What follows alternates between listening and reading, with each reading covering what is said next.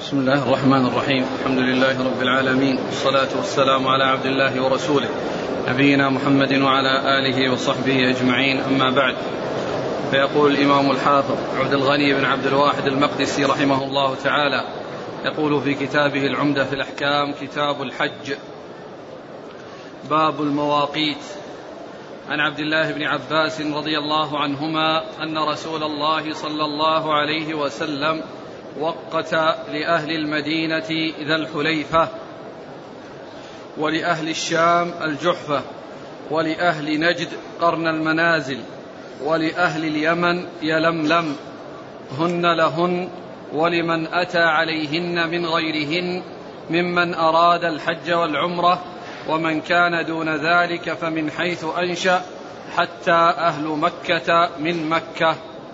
لماذا؟ وعن عبد الله بن عمر رضي الله عنهما أن رسول الله صلى الله عليه وعلى آله وسلم قال يهل أهل المدينة من ذي الحليفة وأهل الشام من الجحفة وأهل نجد من قرن. قال عبد الله وبلغني أن رسول الله صلى الله عليه وسلم قال ومهل أهل اليمن من يلملم. بسم الله الرحمن الرحيم. الحمد لله رب العالمين وصلى الله وسلم وبارك على عبده ورسوله نبينا محمد وعلى آله وأصحابه أجمعين.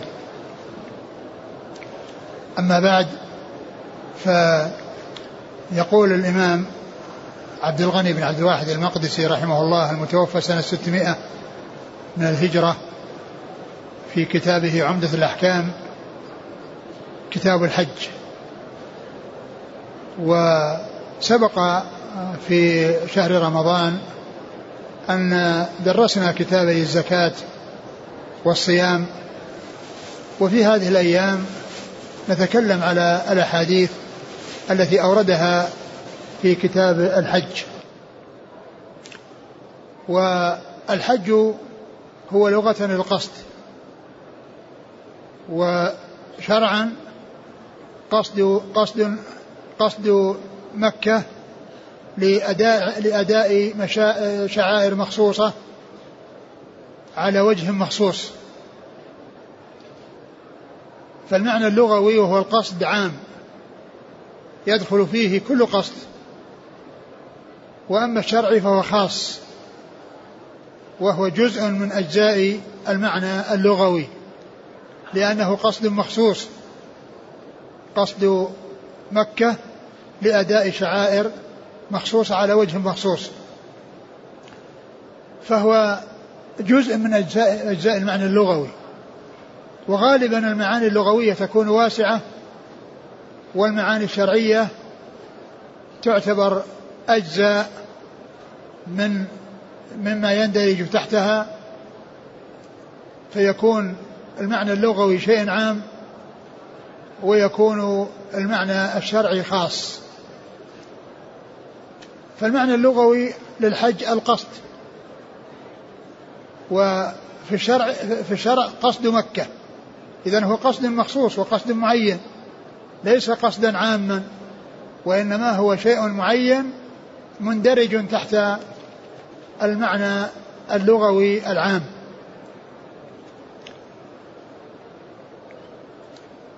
ومثل ذلك العمرة لأن العمرة لغة الزيارة.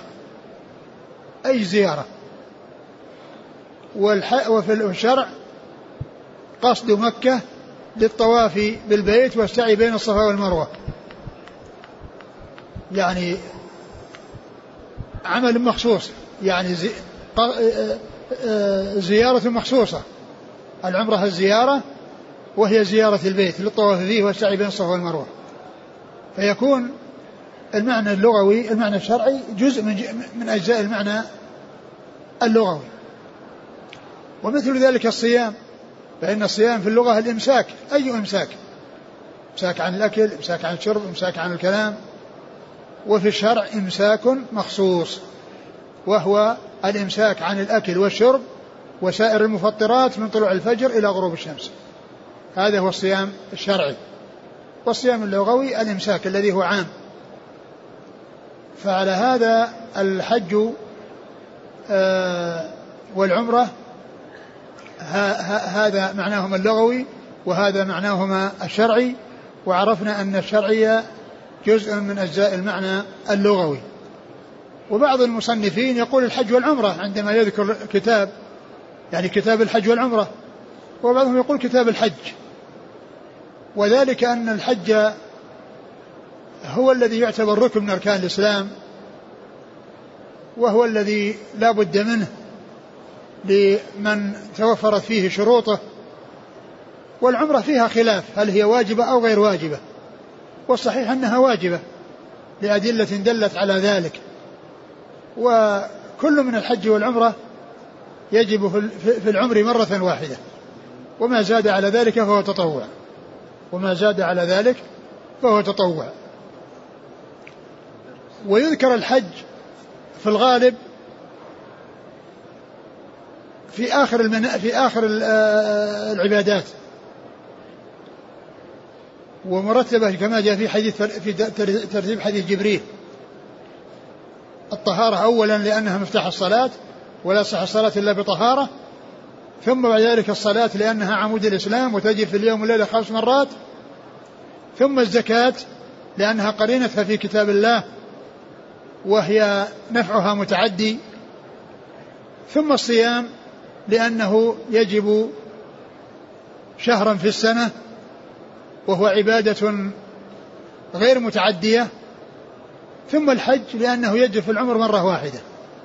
فكان ترتيبها كما جاء في حديث جبريل يعني على نسق بدءا بأهم شيء ثم الذي يليه. والحج أخر يعني آه، في الغالب أنه يؤخر لأنه هو الذي لا يجب في العمر إلا مرة واحدة. وأحيانا يقتصر على الحج وتدخل العمرة تبعا لأن لأنه يقال للعمرة الحج الأصغر. ويأتي في بعض الأحاديث إطلاق الحج عليها. يأتي بعض في بعض الأحاديث إطلاق الحج على العمرة لأنها يعني آه لأنه يقال لها الحج الأصغر في مقابل الحج الأكبر الذي هو ركن من أركان الإسلام. وقد جاء في بعض الأحاديث إطلاق الحاج على المعتمر. في بعض الأحاديث إطلاق الحاج على المعتمر. وسيأتي في العمدة. يعني الحديث الذي فيه ذكر الحج على العمرة وإطلاق الحج على العمرة. ثم إنه قال بعد ذلك كتاب المواقيت باب المواقيت. باب المواقيت. والمواقيت قسمان مواقيت مكانية ومواقيت زمانية. مواقيت مكانية ومواقيت زمنية أما المكانية فهي المواضع التي هي في جهات مختلفة من مكة في الشمال والجنوب والشرق والشمال والشرق فليست في جهة واحدة. من فضل الله عز وجل في تشريعه أنه جعل كل من يأتي من جهة قدامه ميقات. إن مر به أحرم منه وإن لم يمر به بل حاداه بحرا أو برا أو جوا فإنه يحرم من محاذاته. ولم يجعل الميقات في جهة معينة يكلف الناس أن يذهبوا إلى ذلك المكان ليأتوا إلى مكة منه وإنما جعلت في جهات مختلفة في, في جهات مختلفة ليتيسر لكل قاصد إلى مكة أن يحرم وأن يدخل في الإحرام من الجهة التي جاء منها إن مر بنفس الميقات أحرم الميقات وإلا فإنه يحرم من محاذاته سواء عن طريق جاء عن طريق البر أو عن طريق البحر أو عن طريق الجو. وهذه المواقيت جعلت على أماكن متفاوتة على أماكن متفاوتة. وجعل ميقات المدينة هو أبعد هذه المواقيت. أبعد هذه المواقيت. لأنه بجوار المدينة. وفي طرف المدينة. والمسافة فيه كانت يعني عند سير على الإبل عشر مراحل يعني عشرة أيام. أما المواقيت الأخرى فإنها دونه وأقرب منه وبعضها قريب جدا. لكن ميقات أهل المدينة هو الذي جعل أبعدها وغيره كان أقرب منه. على تفاوت بين تلك المواقيت مع التقارب يعني بينها وعدم التباعد آه، فيما بين المواقيت الأخرى. وأورد آه، الحافظ عبد الغني حديثين في بيان المواقيت المكانية أحدهما عن ابن عباس والثاني عن ابن عمر. رضي الله تعالى عنهم جميعا. يقول, يقول في الحديث وقت رسول الله صلى الله عليه وسلم لأهل المدينة ذو الحليفة.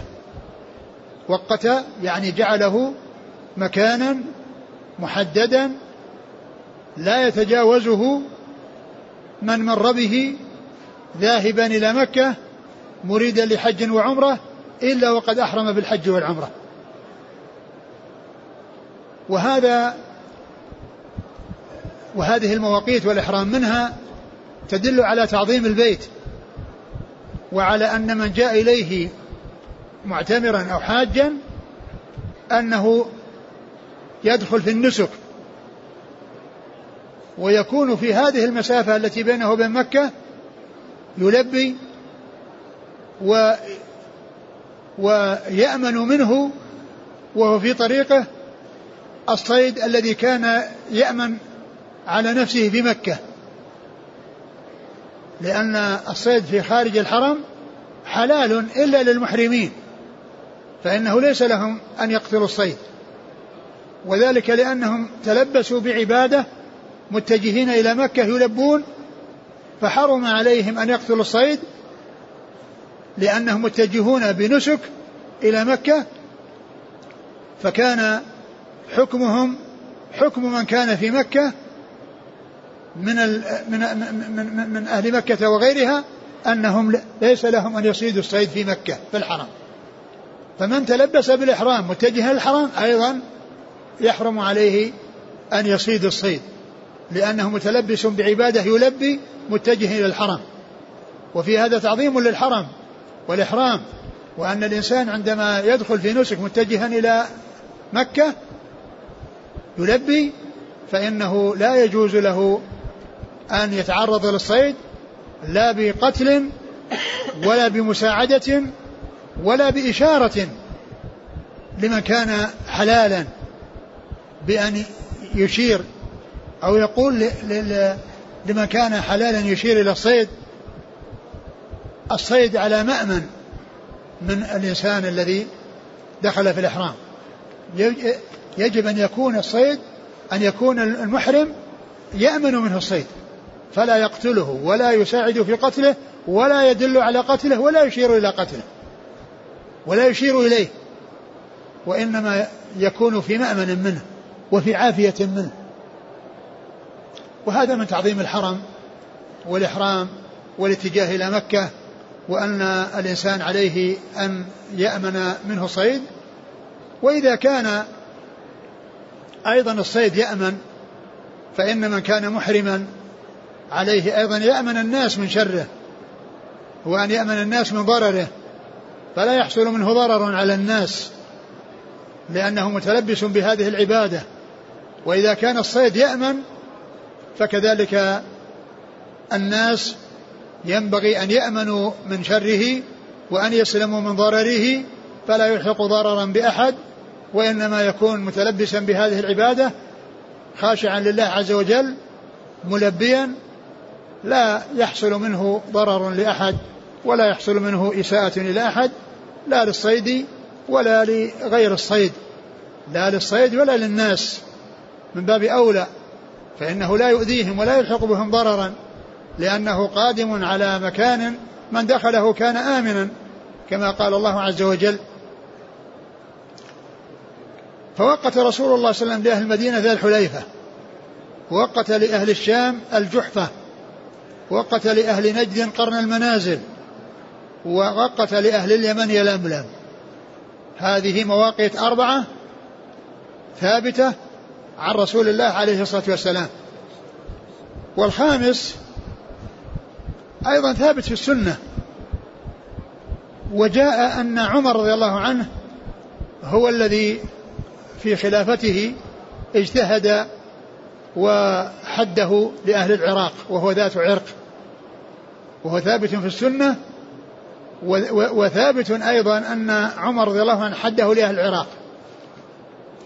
والجمع بين ما جاء من كون أن أنه جاء في الحديث وعمر رضي الله عنه هو الذي حدده أن عمر رضي الله عنه ما كان بلغه الحديث في التحديد لأهل العراق ذات عرق. ولكنه قال ذلك باجتهاده. وكان هذا من إلهام من الإلهامات التي حصلت له. ومن موافقته للحق. لأن النبي عليه الصلاة والسلام قال قد كان في الأمم قبلكم محدثون فإن يكن أحد من أمتي فإنه عمر. فكان رضي الله عنه يقول الشيء ثم ينزل الوحي مطابقا لما قاله. ولما اقترحه ولما أشار به. وأحيانا يكون لا يعلم ولكنه يجتهد ثم يوفقه الله عز وجل لأن يصيب يصيب الحق. فذات عرق جاءت في سنن النسائي مع ذكر الأربعة بسند صحيح وجاءت في سنن أبي داود مفردة يعني أن النبي وقتها لأهل العراق فإذا هو ثابت في السنة.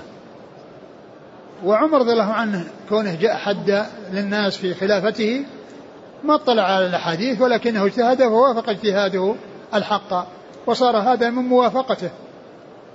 ومن من موافقاته آه، آه، ما يتعلق بأسرى بدر وكذلك ما يتعلق بالصلاة خلف المقام وما يتعلق باحتجاب النساء نساء الرسول صلى الله عليه وسلم.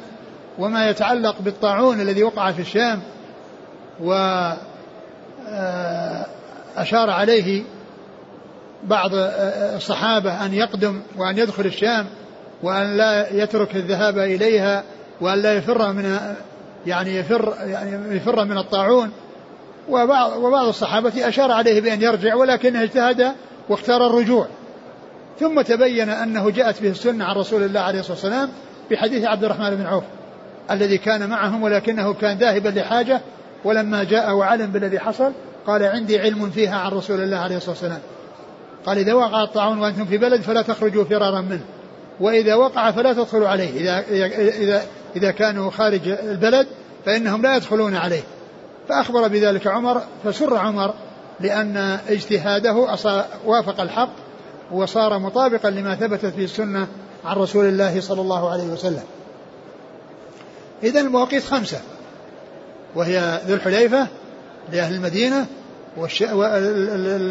ذو الجحفة لأهل الشام ولأهل مصر ولل ولليمن يلملم ولنجد قرن المنازل وأهل العراق ذات عرق ثم ان إن هذا أو تحديد هذه المواقيت فيها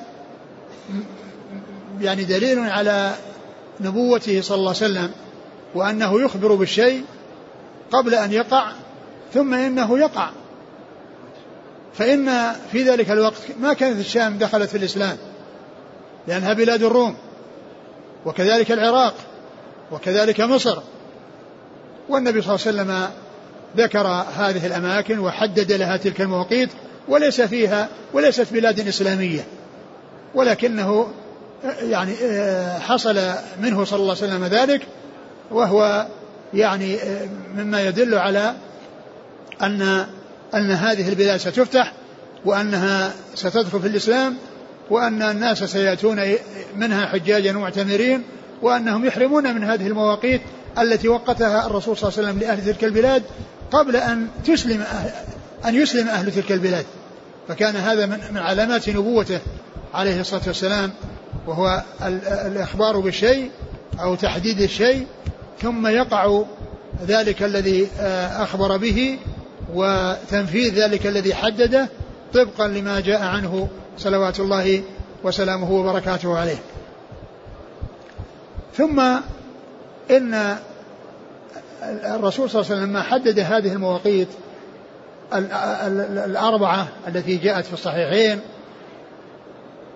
قال وكذلك ذات عرق جاء في الصحيح يعني من من توقيت عمر أو من تحديد عمر.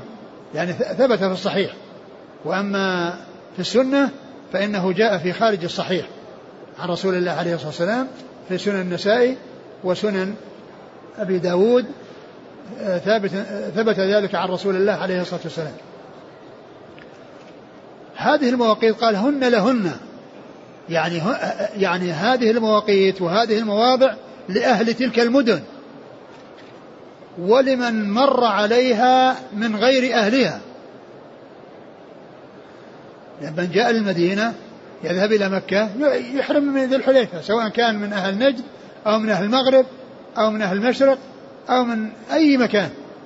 لا يتجاوز ميقات المدينة إلا وقد أحرم إذا كان سيحرم من سيذهب من المدينة سواء كان من أهلها أو من غير أهلها. ولهذا قال هن لهن ولمن أتى عليهن من غير أهلهن ممن أراد الحج والعمرة.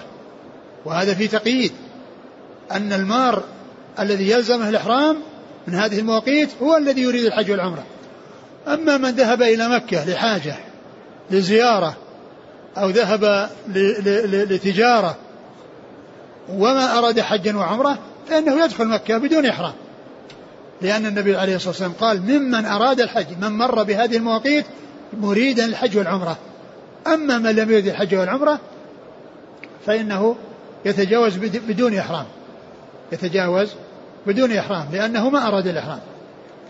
فبين عليه الصلاة والسلام أن هذه المواقيت لأهل تلك البلاد ولمن مر على هذه المواقيت من غير أهل تلك البلاد. وأن هذا الحكم الذي هو الإحرام من المواقيت إنما هو في حق من أراد حجا أو عمرة. أما من لم يرد حجا ولا عمرة فإنه يدخل ولا شيء عليه. فإنه يدخل إلى مكة بدون إحرام ولا شيء عليه لأنه لم يرد حجا وعمرة والنبي عليه الصلاة والسلام وقتها لمن أراد حجا وعمرة. وقتها وقت هذه المواقيت لمن أراد حجا وعمرة. ثم إذا كانت هذه إذا كان بعض الناس مسكنه دون المواقيت مسكنه دون المواقيت بين المواقيت وبين مكة فإن فإنه يحرم من منزله. ولا يتجاوز منزله ويحرم بعد ذلك لأنه يصير مثل الذي يتجاوز الميقات. لأن ميقاته بلده. فلا يتجاوز بلده إلا وقد أحرم. ولو تجاوز بلده وأحرم بعد في الطريق فإنه يكون مثل الذي تجاوز الميقات بدون إحرام. وهو يريد الإحرام. وهذا يكون عليه فدية. وهي شاة تذبح مكة وتوزع على فقراء الحرم إن, إن تجاوز الميقات ثم أحرم بعد الميقات. إذا أحرم بعد الميقات تجاوزه وهو مريد حج عمرة ثم أراد الحج وهو مريد حج عمرة ثم أحرم بعد ما تجاوز الميقات. فإنه يكون آه، ترك واجبا وهو الميقات من الإحرام وعليه أن إذا أحرم عليه فدية. ومثله من كان دون مسكنه دون الميقات ولكنه ذهب من مسكنه ولم يحرم إلا في الطريق. فيكون تجاوز ميقاته الذي هو بلده. أما من تجاوز الميقات غير مريد للحج والعمرة ثم في أثناء الطريق طرى عليه الحج أو العمرة فإنه يلزمه من المكان الذي طرى عليه طرى عليه الحج والعمرة فيه. يحرم من المكان الذي طرى عليه في أثناء الطريق. تجاوز الميقات لا يريد حجا عمرة. ثم بعد ذلك لقي أناس أصحابه وما إلى ذلك قالوا يعني آه نحن نحن محرمين ولو أحرمت وصرنا وإياك على حد سواء فإذا أحرم فإنه يكون لا بأس به لأنه ما طرأ عليه الإحرام إلا فيكون مثل من كان مسكنه بين الحج بين مكة بين مكة والمواقيت. يعني الذي طرأ عليه الإحرام في أثناء الطريق يحرم من أثناء الطريق ولا شيء عليه. يحرم من أثناء الطريق ولا شيء لأنه ما طرأ عليه إلا في الطريق. ما طرأ عليه قبل ذلك. ما تجاوز الميقات وهو يريد حجا وعمرة تجاوز الميقات لا يريد حجا ثم طرأ عليه إرادة الحج فإنه من يحرم من حين حصلت له الإرادة وحصل منه الاتجاه إلى أن أن يحرم. قال حتى أهل مكة من مكة. يعني كل من كان بين الميقات أو المواقيت إلى مكة يحرمون من أماكنهم أو من الأماكن اللي طرأ عليهم الإحرام فيها. حتى أهل مكة من مكة يحرمون بالحج. يحرمون بالحج من مكة. يحرمون من منازلهم. ولا يحتاج إلى أن يذهبوا للمسجد الحرام ويطوفون أو يعني يحرمون من من المسجد وإنما يحرمون من منازلهم ثم يذهبون إلى إلى منى ثم عرفة. فحتى أهل مكة من مكة. أما بالنسبة للعمرة فإن ميقات أهل مكة ومن كان في الحرم الخروج إلى الحل كما حصل لعائشة رضي الله عنها وأرضاها حيث أن النبي عليه الصلاة والسلام لما أرادت أن تعتمر وكانوا في مكة فأمر أخاها عبد الرحمن بن أبي بكر أن يذهب بها إلى التنعيم لتعتمر وتأتي بعمرة. فدل هذا على أن أهل مكة لا يحرمون من مكة للعمرة وإنما يخرجون من الحل. وأهل مكة يجمعون بين الحل والحرم سواء في العمرة أو في الحج. لأن لأنه في حال العمرة يحرمون من الحل ثم يدخلون مكة فيكون جمعوا بين الحل والحرم. وبالنسبة للحج يحرمون من مكة ثم يذهبون إلى منى وعرفات وعرفات من الحل. وعرفات من الحل ليست من الحرم. فيكون أهل مكة في عمرتهم وفي حجهم جمعوا بين الحل والحرم في العمرة الحل أولا والحرم ثانيا وفي الحج الحرم أولا والحل الحرم أولا والحل ثانيا. يحرمون بمكة في الحرم ويخرجون إلى إلى إلى عرفات وعرفات وعرفات من الحل فيكون جمعوا بين هذا وهذا. ف فيجمع بين ما جاء في قوله حتى أهل مكة من مكة وبين كون النبي عليه الصلاة والسلام أمر عائشة بأن تخرج التنعيم على أن العمرة يحرم يحرم بها من خارج الحرم لمن كان بمكة والحج من كان بمكة فإنه يحرم بالحج من مكة. فإنه يحرم بالحج من مكة. وقت رسول الله صلى الله عليه وسلم لأهل المدينة ذي الحليفة ولأهل الشام الجحفة ولأهل نجد قرن المنازل ولأهل اليمن يلملم ولأهل العراق ذات عرق. وهذه هي المواقيت المكانية التي جاءت بها السنة عن رسول الله صلى الله عليه وسلم. آه، أما المواقيت الزمانية فهي فهي شهران وعشرة أيام.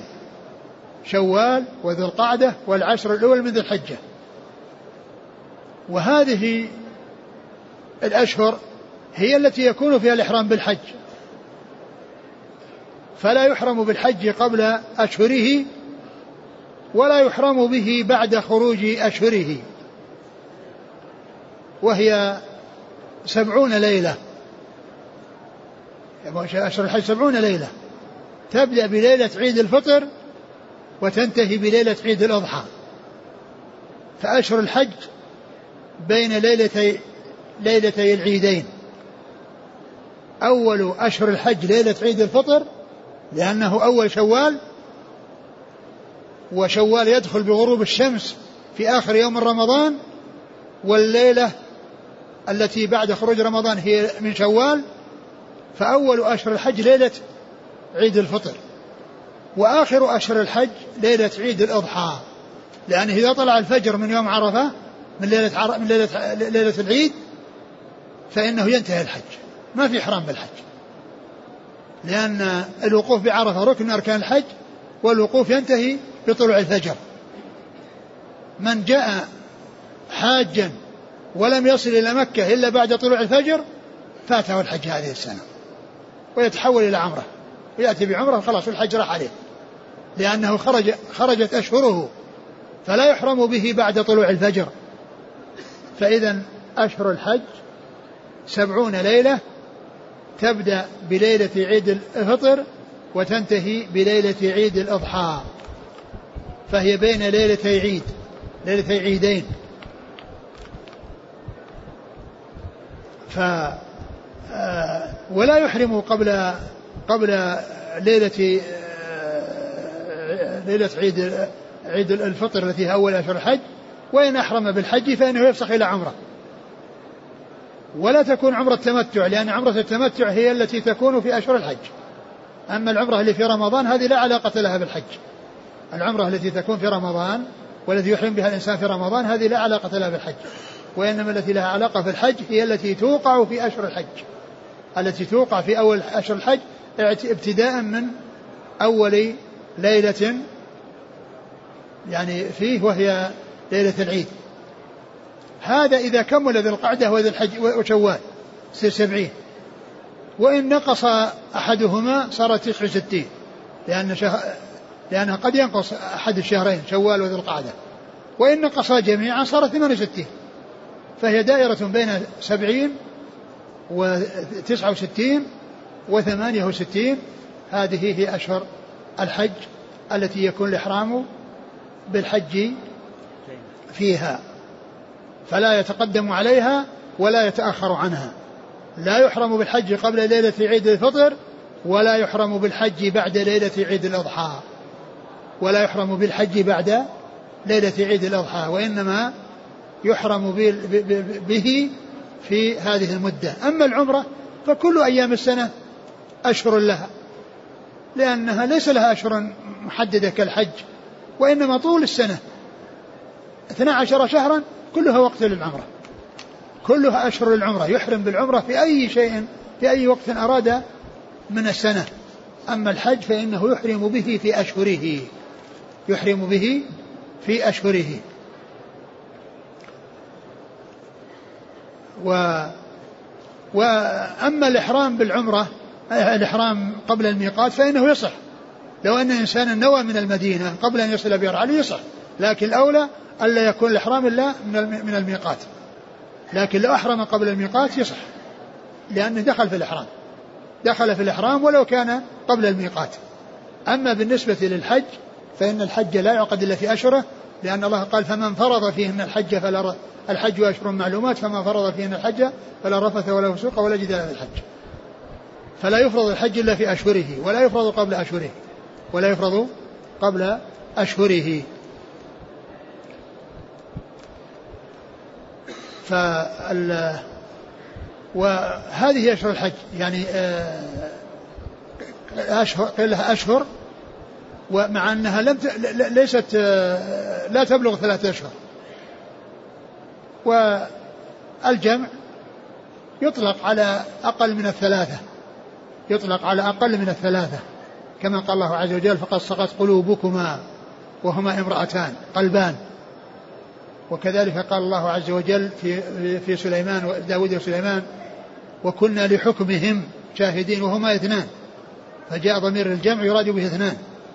وقال الله عز وجل فإن كان له إخوة فلأمه السدس والأم تحجب من الثلث إلى السدس باثنين فأكثر. فالجمع يطلق على الثلاثة وعلى ما دون الثلاثة على ما دون الثلاثة لأن لأنه يطلق على الشهرين وعشرة أيام أنها أشهر وإن كانت ليست ثلاثة أشهر كاملة وإن لم تكن ثلاثة أشهر كاملة إلا أنها يعني آه، جاء إطلاق الجمع على الاثنين فأكثر. جاء إطلاق الجمع على الاثنين فأكثر كما في الآيات التي آه، أشرت إليها. وأشهر الحج غير الأشهر الحرم. الأشهر الحرم التي ذكر الله في القرآن أن عدة شهور عند الله 12 شهرا في كتاب الله كما خلق السماوات والأرض منها أربعة حرم. هي المحرم هي ذو القعدة وذو الحجة والمحرم ورجب. ثلاثة أشهر متوالية وشهر في أثناء السنة. ثلاثة سرد وواحد فرد. ثلاثة مسرودة هي شهر الحج وشهر قبله وشهر بعده. الشهر الذي يؤدى فيه الحج والشهر الذي قبل الحج يأتي الناس فيه للحج والشهر الذي بعده يرجع الناس من الحج. فالذي يأتي للحج يكون في أشهر في في أشهر حرم. شهر في شهر الحج وشهر قبله وشهر بعده. وشهر في أثناء السنة الذي هو رجب ولهذا يقال له رجب الفرد لأنه منفرد عن أشهر الحرم ليس بجواره شهر حرام. فيقال ثلاثة سرد وواحد فرد. ثلاثة مسرودة متصل بعض البعض وواحد منفرد عن الأشهر الأخرى فيقال له رجب الفرد. وعلى هذا فرجب والمحرم من الأشهر الحرم وليس من أشهر الحج. وشوال من أشهر الحج وليس من أشهر الحرم. وذو القعدة من أشهر الحج ومن أشهر الحرم. وذو الحجة من أشهر الحرم والعشر الأول منه من أشهر الحج. وذو الحجة من الأشهر الحرم والعشر الأول منه من أشهر الحج. هذه هي الأشهر أشهر الحج والأشهر الحرم. وقد جاء إطلاق الأشهر الحرم على الأشهر الأربعة التي جاءت في سورة براءة يعني في, في أول سورة براءة يعني وهي المدة التي أعلنها الرسول صلى الله عليه وسلم للمشركين بأن يعني يتأملوا ويفكروا ثم بعد بلوغ هذه المدة يقاتلون على الإسلام. قال فإذا انسلخ الأشهر الحرم. يعني في الأول قال سيروا في أربعة أشهر. هذه أربعة الأشهر هذه التي ضربت للكفار يتأملون فيها ثم إذا انسلخت فإنهم يقاتلون يعني ويجاهدون في سبيل الله عز وجل. ولهذا قال فإذا انسلخ الأشهر الحرم يعني أشهر التسيير أشهر المهلة. فهي غير الأشهر الحرم التي قال إن عدة شهور عند الله 12 شهرا منها أربعة حرم هذه أربعة اللي في أول سورة برأة هي أشهر المهلة التي أعطاها النبي صلى الله عليه وسلم أعطاها الله للكفار والتي أعلنها رسول الله عليه الصلاة والسلام. وأن وأنهم بعد مضي هذه الأربعة فإنهم يقاتلون فإذا انسلخ. فإذا انسلخ الحرم فاقتلوا المشركين حيث وجدتموهم وخذوهم واحصروهم الآية. هذه هي الأشهر الحرم وهذه هي أشهر الحج. نعم اقرأ اقرأ ما يتعلق بالمواقيت قال شيخنا حفظه الله تعالى في كتابه تبصير الناسك بأحكام المناسك على ضوء الكتاب والسنة والمأثور عن الصحابة. المواقيت المكانية والزمانية للإحرام بالحج والعمرة. المواقيت المكانية هي المواضع التي يجب على من مر بها مريدا الحج أو العمرة الإحرام منها. وقد جاء بيانها في, السن في السنة عن رسول الله صلى الله عليه وسلم. فعن ابن عباس رضي الله عنهما قال وقت رسول الله صلى الله عليه وسلم لأهل المدينة ذا الحليفة. ولأهل الشام الجحفة ولأهل نجد قرن المنازل ولأهل اليمن يلملم هن لهن ولمن أتى عليهن من غيرهن ممن أراد الحج والعمرة. نجد المقصود بنجد هو الأماكن المرتفعة يعني مثل الطائف ومثل اليمامة كل هذه يقال لها نجد لأن لأن نجد يطلق على الأماكن المرتفعة كما أن الأماكن المنخفضة يقال لها تهامة. وهي وهو الميقات الذي يحرم منها اليمن إذا جاءوا من الساحل. وأما من يأتي من الطائف أو من أماك أو من من نجد الذي هي اليمامة فإنه يحرم من قرن المنازل. يحرم من قرن المنازل. ويلملم في تهامة. يلملم في تهامة. وقرن المنازل في نجد يعني في الأماكن المرتفعة. ويحرم منه من جاء من هذه الأماكن المرتفعة. ولهذا يقال لمن مشى في آه، تهامة أتهم ولمن مشى في آه، الأماكن المرتفعة أنجد أنجد وأتهم أنجد إذا إذا سار في الأماكن المرتفعة وأتهم إذا سار في الأماكن المنخفضة. نعم. ومن كان دون ذلك فمن حيث أنشأ حتى أهل مكة من مكة رواه البخاري ومسلم. وإحرام أهل مكة من مكة في هذا الحديث محمول على إحرامهم بالحج فإنهم يحرمون من منازلهم. وأما إحرامهم بالعمرة فيكون من خارج الحرم لأمر النبي صلى الله عليه وسلم عائشة رضي الله عنها بالخروج إلى التنعيم للإحرام منه. رواه البخاري ومسلم عن عائشة. وفي هذين الحديثين جمع أهل مكة ومن في حكمهم في كل من حجهم وعمرتهم بين الحل والحرم. وجاء ذكر هذه المواقيت الأربعة في الحديث عن ابن عمر رواه البخاري ومسلم والميقات الخامس ذات عرق هو لأهل العراق وقد جاء ذكره مع المواقيت الأربعة في حديث عائشة رضي الله عنها رواه النسائي وإسناده صحيح رجاله ثقات. وجاء ذكره وحده في حديثها عند أبي داود أن رسول الله صلى الله عليه وسلم وقت لأهل العراق ذات عرق.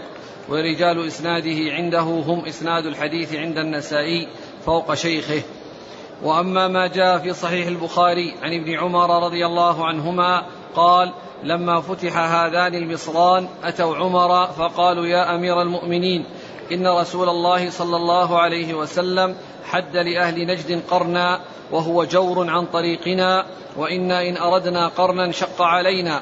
قال فانظروا حذوها من طريقكم فحد لهم ذات عرق فمحمول على أنه لم يبلغ عمر رضي الله عنه الحديث المرفوع في ذلك فحد لأهل العراق ذات عرق باجتهاده فكان من موافق من موافقاته التي وافق فيها الحق. من موافقاته؟ من موافقاته التي وافق فيها الحق. نعم. ومن لم يمر بهذه المواقيت فإنه يحرم عند محاذاتها برا أو جوا أو بحرا. وإن أحرم قبل المواقيت صح إحرامه وخالف الأولى. قال ابن المنذر في الإجماع وأجمعوا على أن من أحرم قبل الميقات أنه محرم. ومن مر بهذه المواقيت أو حاذاها وهو لم يرد حجا أو عمرة فإنه لا يلزمه الإحرام منها كما دل عليه مفهوم قوله صلى الله عليه وسلم في الحديث المتقدم ممن أراد الحج أو العمرة. ومن تجاوز ميقاته غير محرم كاليمني الذي مر بيلملم مريدا الذهاب إلى المدينة أولا وكالذي وصل إلى جدة بالطائرة يريد الذهاب منها إلى المدينة لزيارة مسجد الرسول صلى الله عليه وسلم ثم يحرم من ذي الحليفة ميقات أهل المدينة فإنه لا شيء عليه في هذا التجاوز لأنه لم يرد الإحرام من ميقاته. وإنما تجاوزه في طريقه إلى المدينة للزيارة ثم الإحرام من ميقاتها. ومن أحرم من ميقاته وبعد وصوله إلى جدة أمر بالذهاب إلى المدينة فإنه يبقى على إحرامه لأن من دخل في نسك لم يجز له تركه ووجب عليه أن يتمه. لقول الله عز وجل وأتموا الحج والعمرة لله والمواقيت الزمانية هي الشهور التي يحرم يحرم يحرم وهي المواقيت والمواقيت الزمانية هي الشهور التي يحرم فيها بالحج والعمرة. وهي في العمرة شهور السنة كل في شهور السنة كلها لأنه لم يأت دليل على تخصيصها في أشهر معلومة. وأما في الحج ففي أشهره وهي شوال وذي القعدة والعشر الأول من ذي الحجة. قال الله عز وجل الحج أشهر معلومات. فمن فرض فيهن الحج فلا رفث ولا فسوق ولا جدال في الحج. وقد جاء بيان هذه الأشهر في أثر عن ابن عمر رضي الله عنهما علقه البخاري في باب قول الله تعالى الحج أشهر معلومات. ووصله الحاكم بإسناد صحيح على شرط البخاري ومسلم ووافقه الذهبي. وعزاه أيضا ابن كثير في تفسيره إلى عمر وعلي وابن مسعود وابن الزبير وابن عباس رضي الله عنهم. وقال ابن عباس رضي الله عنهما لا يحرم بالحج إلا في أشهر الحج فإن من سنة الحج أن تحرم بالحج في أشهر الحج. رواه ابن خزيمة في صحيحه بإسناد صحيح على شرط البخاري وعلقه البخاري في باب قول الله تعالى الحج أشهر معلومات. فقال قال ابن عباس من السنة ألا تحرم بالحج إلا في أشهر الحج وقول الصحابي من السنة كذا له حكم الرفع. فالإحرام بالحج يبدأ في أول ليلة من شوال وينتهي بطلوع الفجر من ليلة النحر وهي سبعون ليلة إذا تم شهر شوال وذي القعدة. وذي القعدة. وتسع وستون ليلة إذا نقص أحدهما وثمان وستون إذا نقصا جميعا. وأول هذه الليالي ليلة عيد الفطر وآخرها ليلة عيد الأضحى. ولا يشكل على هذا كون جملة من أعمال الحج تكون في يوم العيد وأيام التشريق. لأن المقصود حصول الإحرام في هذه الأشهر.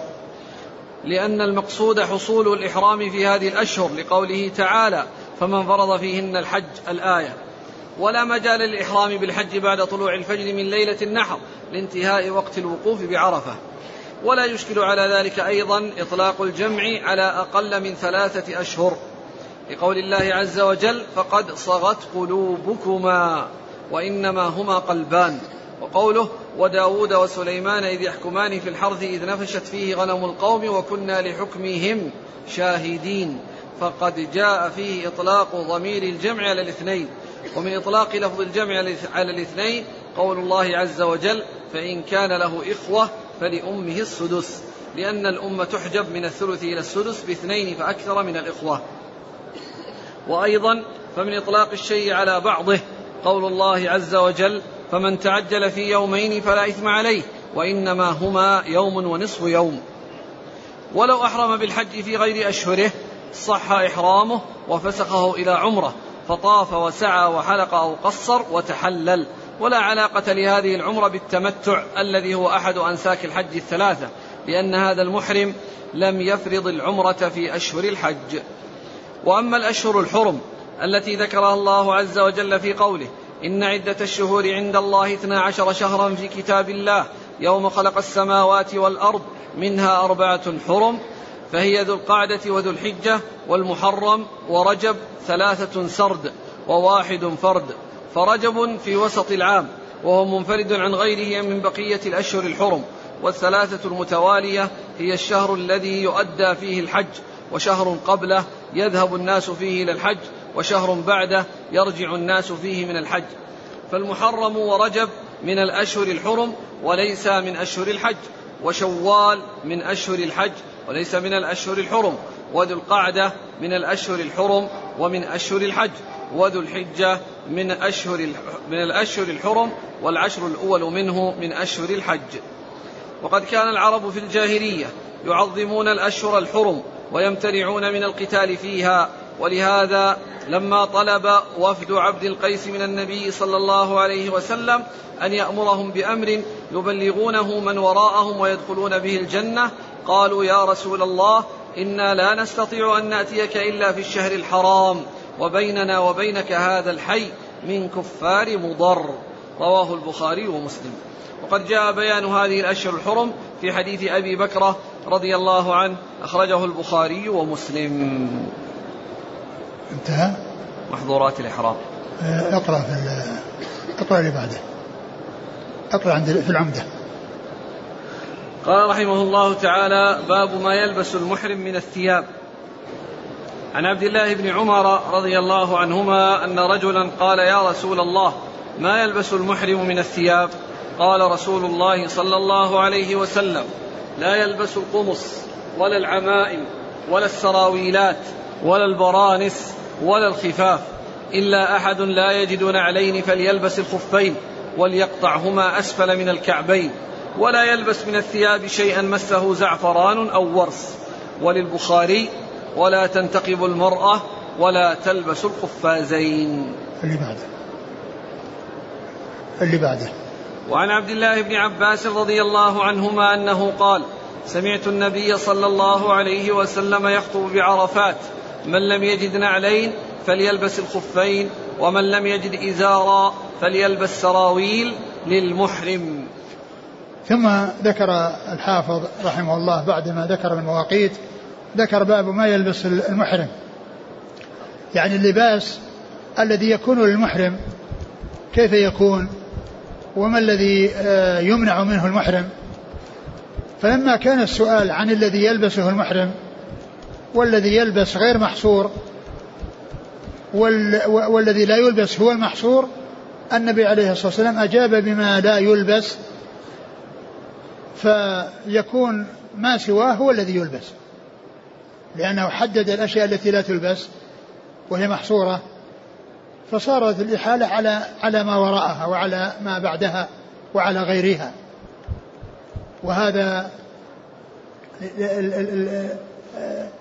الجواب لم لم يذكر النبي صلى الله عليه وسلم الذي يلبسه لأن السؤال ما الذي يلبس المحرم؟ والجواب الذي لا يلبس المحرم. والسبب أن النبي عليه الصلاة والسلام عدل إلى الإجابة بما لا يلبس لأن ما لا يلبس محصور محدد معين. والذي يلبس واسع فذكر ما لا يجوز وما عدا ذلك هو الذي يكون جائزا. ما عدا ذلك هو الذي يكون جائزا. ابن عمر رضي الله عنه يقول إن النبي قيل له ما قيل ما يلبس المحرم؟ وهذا كان في المدينة. يعني هذا السؤال كان في المدينة قبل يعني أن يذهب الناس للحج والعمرة. فقال لا يلبس المحرم القمص. لا يلبس المحرم القمص. وهو الذي يفصل على على الجسد كله مما تحت الرأس. فهذه القمص. فلا يلبس القمص وهو ما يفصل على الجسد. ولا السراويلات وهو ما يفصل على بعض الجسد. كالنصف الأعلى النصف الأسفل. وكذلك مثله الفنايل التي تكون على النصف الأعلى فإنها فإنه ليس للإنسان أن يلبسها. لا يلبس يعني ما كان على الجسد كله ولا على ما كان على بعضه على نصفه الأعلى كالفنايل ولا على نصفه الأسفل كالسراويل. وكذلك أيضا لا يستع... لا يلبس شيء في يديه يعني اليوم القفافيز ولا يلبس ال ال يعني ال ال الخفاف ولا يلبس الخفاف يعني إذا كانت يعني آه، فوق الكعبين وإن, وإن كانت دون الكعبين فإنها مثل النعال لأن الخف إذا كان بدا منه الكعبان هو مثل النعل فإنه لا بأس به وكأن صاحبه قد لبس نعلا. أما أن يكون فوق يغطي الكعبين فإن هذا جاء في حديث ابن عمر أنه يلبس ولكن يقطع إذا لم يجد نعلين حتى يكون أسفل من الكعبين وجاء في حديث ابن عباس في خطبة حجة الوداع أنه يلبس ولم يذكر أنه يقطع. فبعض أهل العلم ذهب إلى أن أن من لم يجد نعلين وجد خفا فوق الكعبين أنه يلبسه ويقطعه أخذا بحديث ابن عمر. وبعض أهل العلم رأى أنه إذا لم يجد نعلين يلبس الخفين ولا يقطعهما ولو كان فوق الكعبين. لأن النبي صلى الله عليه وسلم خطب بذلك بعرفة والناس جاءوا من جميع الآفاق وهم لا يعرفون شيئا عن الذي حصل في المدينة وتأخير البيان عن وقت الحاجة لا يجوز. فدل حديث ابن عباس على أنه أن من لم يجد نعلين جاز له أن يلبس الخفين ولا, ولا يقطعهما لأنه ما تعرض للقطع. كما أنه قال من لم يجد إزارا فليلبس السراويل وأطلق ذلك ولم يشر. إلى أنه يفتقهما يعني حتى يكون مثل مثل الرداء أو مثل الإزار وإنما قال يلبس السراويل. فيكون الخف يعامل معاملة السراويل. كما أن السراويل منع المحرم من لباسها ولكن من لم يجد يعني من لم يجد إزارا يلبس السراويل فكذلك مثله من, من لم يجد عليه يلبس الخفين ولا يقطعهما. كما أنه لا يقطع السراويل ولا يشقهما بحيث يكون مثل الإزار بحيث, بحيث يكون مثل الإزار والنبي عليه الصلاة والسلام خطب ذلك في عرفة والحجاج جاءوا من جميع الآفاق ورجعوا إلى بلادهم وقد تحملوا هذه السنة عن رسول الله عليه الصلاة والسلام. فيكون ذلك ناسخا لما كان تقدم ناسخا لما كان تقدم في المدينة لأن الرسول صلى الله عليه وسلم خطب الناس بعرفة وبين للناس هذا الحكم فدل على أن من لم يجد عليه فإنه يلبس الخفين ولا يقطعهما. كما أن الحكم في السراويل كذلك أنه يلبسهما على هيئتهما ولا يتعرض لفتقهما بحيث يجعل يعني بحيث يكونان مثل مثل الإزار. قال عليه السلام لا يلبس المحرم القمص ولا العمائم يعني يغطي الرأس. يعني كل ما يغطى به الرأس فإنه لا يجوز. سواء كان عمامة أو طاقية وسواء كانت منفصلة عن الثو عن عن القميص أو متصلة بالقميص كالبرانس. البرانس الذي يكون يغطى به الرأس ولكنه متصل بالقميص ومخيط مع القميص أو مربوط بالقميص. فلا يغطي الإنسان رأسه بملاصق سواء كان متصلا بالقميص أو منفصلا عنه. متصلا بالقميص كالبرنس ومنفصلا عنه كالعمامة والطاقية وما إلى ذلك مما يوضع على الرأس. وهذا فيما يتعلق بالملاصق. أما غير الملاصق كالشمسية التي يجعلها الإنسان لتظله من الشمس أو يجلس في خيمة أو يجلس في سيارة وفوقه سقفها يظلها يظله سقفها فإن ذلك لا مانع منه وإنما الممنوع الذي يلاصق الرأس ويغطي الرأس سواء كان متصلا بالقميص أو منفصلا عنه وسواء كان على قدر الرأس كله كالعمامة أو على قدره كالطاقية. كل ذلك لا لا يفعله المحرم ولا يلبسه المحرم لأن النبي صلى الله عليه وسلم قال لا يلبس القمص المحرم القمص ولا العمائم ولا السراويلات ولا البرانس. ولا البرانس يعني هي مثل العمائم إلا أنها متصلة بالقميص ففيها تغطية الرأس.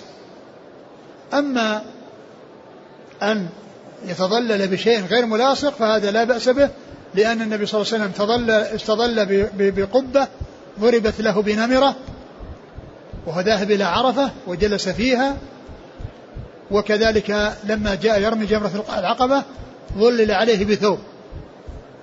ظلل عليه بثوب يظله عن الشمس وهو غير ملاصق. فدل هذا على أن الممنوع هو ما يكون ملاصقا وأما ما لا يلاصق فإنه لا بأس أن يستظل به الإنسان وأن يستفيد منه سواء كان يعني هذه المظلة التي يحملها الإنسان بيده وتحمله تحميه من حرارة الشمس أو في خيمة أو بثوب يعني ينصب بين عمودين ويجلس الإنسان تحته كل ذلك سائغ ولا بأس به. ولا ولا الخفاف. ولا الخفاف. يعني والمقصود بالخفاف التي تغطي الكعبين. ولهذا قال ومن لم يجد نعلين فليلبس الخفين وليقطعهما أسفل الكعبين.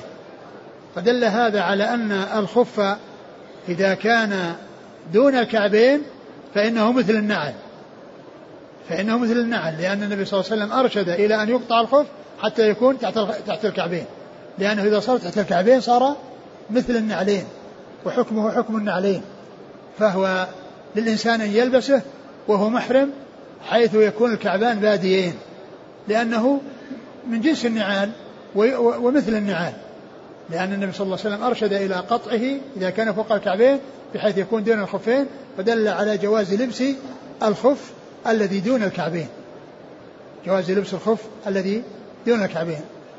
وبعد قطعه كما جاء في حديث ابن عمر وجاء في حديث ابن عباس أنه يلبس بغير من غير قطع إذا كان لم يجد عليه وهذا هو الذي حصل من النبي صلى الله عليه وسلم في آخر الأمر وهو الذي سمعه الحجاج من جميع الآفاق. ورجعوا إلى بلادهم يعني أخذوه عن رسول الله صلى الله عليه وسلم. آه قال و ولا يلبس. من الثياب شيئا. ولا يلبس من الثياب شيء مسه زعفران أو ورس. ولا يلبس من الثياب شيئا مسه زعفران وورس يعني الطيب أي أي طيب لا يطيب الإنسان يعني لا يلبس ثوبا مطيبا. وإنما يكون الثوب الذي يلبسه خالي من الطيب. لا قبل الإحرام ولا بعد الإحرام. لا يطيبه قبل الإحرام ولا يطيبه بعد الإحرام.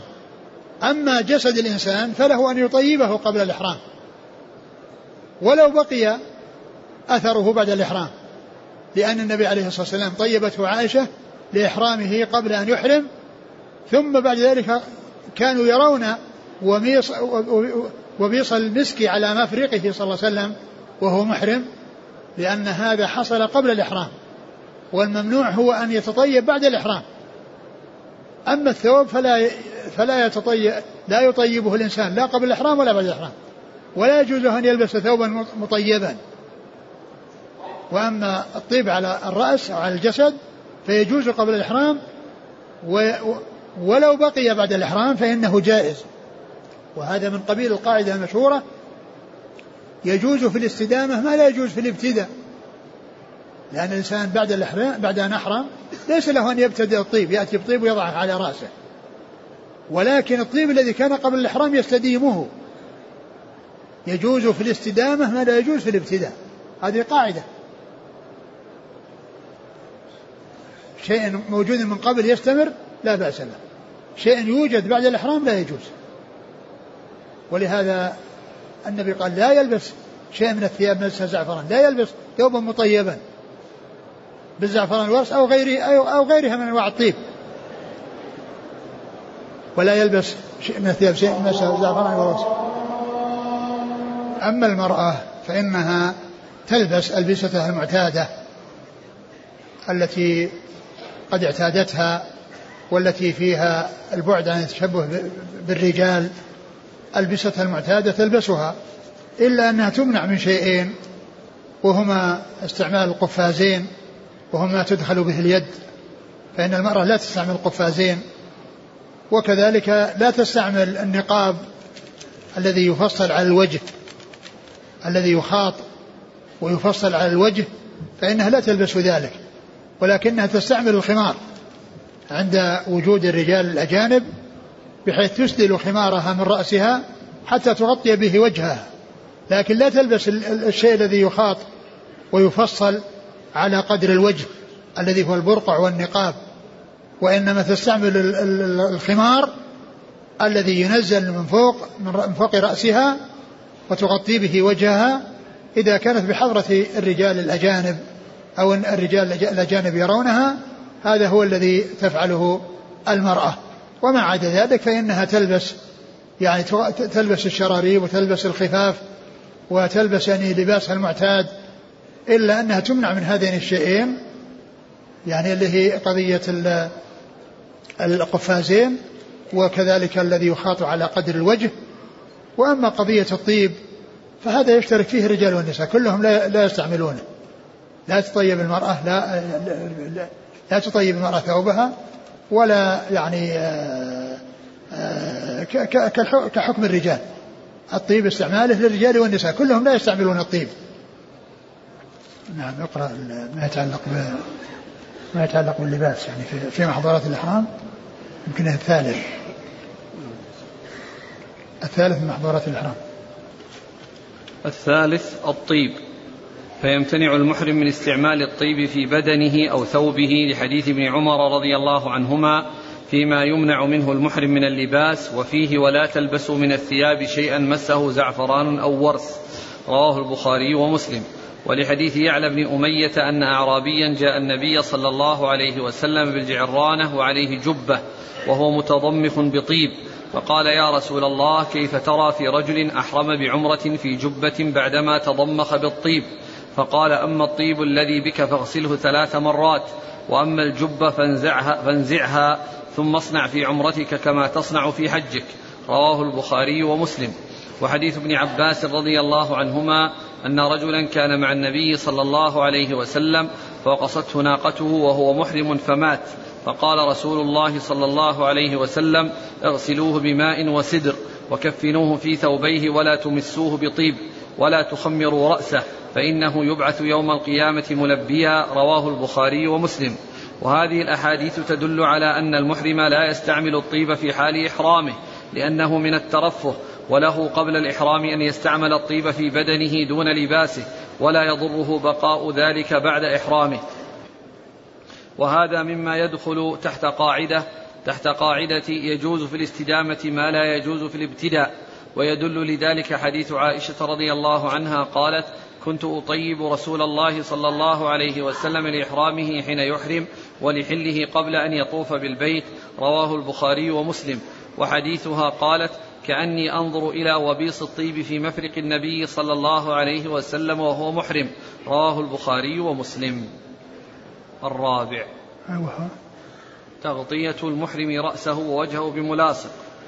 لحديث ابن عمر رضي الله عنهما فيما يمنع منه المحرم من اللباس وفيه لا يلبس القمص ولا العمائم. الحديث رواه البخاري ومسلم. وحديث ابن عباس في الذي أوقصته ناقته وهو محرم قال اغسلوه بماء وسدر وكفنوه في ثوبيه ولا تخمروا رأسه ولا وجهه فإنه يبعث يوم القيامة ملبيا. رواه مسلم. وأما الاستظلال بغير ملاصق كالشمسية وسقف السيارة والثوب والخيمة فلا بأس به لأن النبي صلى الله عليه وسلم ظلل عليه بثوب حين رمى جمرة العقبة رواه مسلم عن أم الحصين رضي الله عنها ولحديث جابر رضي الله عنه في صفة حج النبي صلى الله عليه وسلم وفيه أنه صلى الله عليه وسلم نزل في القبة التي ضربت له بنمرة حتى زاغت الشمس رواه مسلم. الخامس لبس الذكر المخيط. على كله كالقميص أو بعضه كالسراويل والخفاف والجوارب والفنايل وغير ذلك. لحديث ابن عمر رضي الله عنهما أن رجلا قال يا رسول الله ما يلبس المحرم من الثياب؟ قال رسول الله صلى الله عليه وسلم لا يلبس القمص ولا العمائم ولا السراويلات ولا البرانس ولا الخفاف إلا أحد لا يجد نعلين فليلبس خفين. وليقطعهما أسفل من الكعبين ولا تلبسوا من الثياب شيئا مسه زعفران أو ورس. رواه البخاري ومسلم. وفي معنى النعلين الخفاف التي دون الكعبين كما دل عليه هذا الحديث وما جاء فيه من الأمر بالقطع كان متقدما والنبي صلى الله عليه وسلم في المدينة وقد جاء الأمر بلبس الخفين دون قطع وهو صلى الله عليه وسلم بعرفة فعن ابن عباس رضي الله عنهما قال سمعت النبي صلى الله عليه وسلم يخطب بعرفات من لم يجد النعلين من لم يجد النعلين فليلبس الخفين ومن لم يجد إزارا فليلبس السراويل للمحرم رواه البخاري ومسلم. وقد سمع خطبته الحجاج من جميع الآفاق فدل ذلك على أنه ناسخ لما جاء من قطع الخفين المذكور في حديث ابن عمر رضي الله عنهما. وللمحرم عقد أطراف الإزار وشده بخيط أو حزام أو ما تحفظ به النقود ولو كان مخيطا وكذا النعال إذا كانت مخيطة. وكذا لبس الإزار والرداء إذا كان مكفوفي الحاشية أو كان أحدهما مكونا من قطعتين. قد جمع بينهما بالخياطة لأن المنع من لبس المخيط إنما يكون في لبسه على هيئته التي فصل عليها كالقميص والسراويل. ولو مر المحرم بالميقات مريدا الحج أو العمرة وليس معه إزار ورداء. فجاز له أن يتزر بثوبه فيلبسه كما يلبس الإزار إذا ستر ما بين سرته وركبته وأن يرتدي بثوب آخر أو سراويل حتى يجد الإزار والرداء. وللمحرم أيضا لبس الخاتم والساعة ونحوهما كأن يشد على ركبته أو ساقه مثلا بقماش أو غيره للحاجة. وأما المرأة فإنها تلبس ألبستها المعتادة المباحة لها شرعا ولا تمنع إلا من لبس القفازين على يديها وما خيط على قدر الوجه كالنقاب والبرقع لقوله صلى الله عليه وسلم ولا تنتقب المحرمة ولا تلبس القفازين. رواه البخاري عن ابن عمر رضي الله عنهما. وإذا كانت بحضرة رجال أجانب غطت يديها بثوبها ووجهها بالخمار.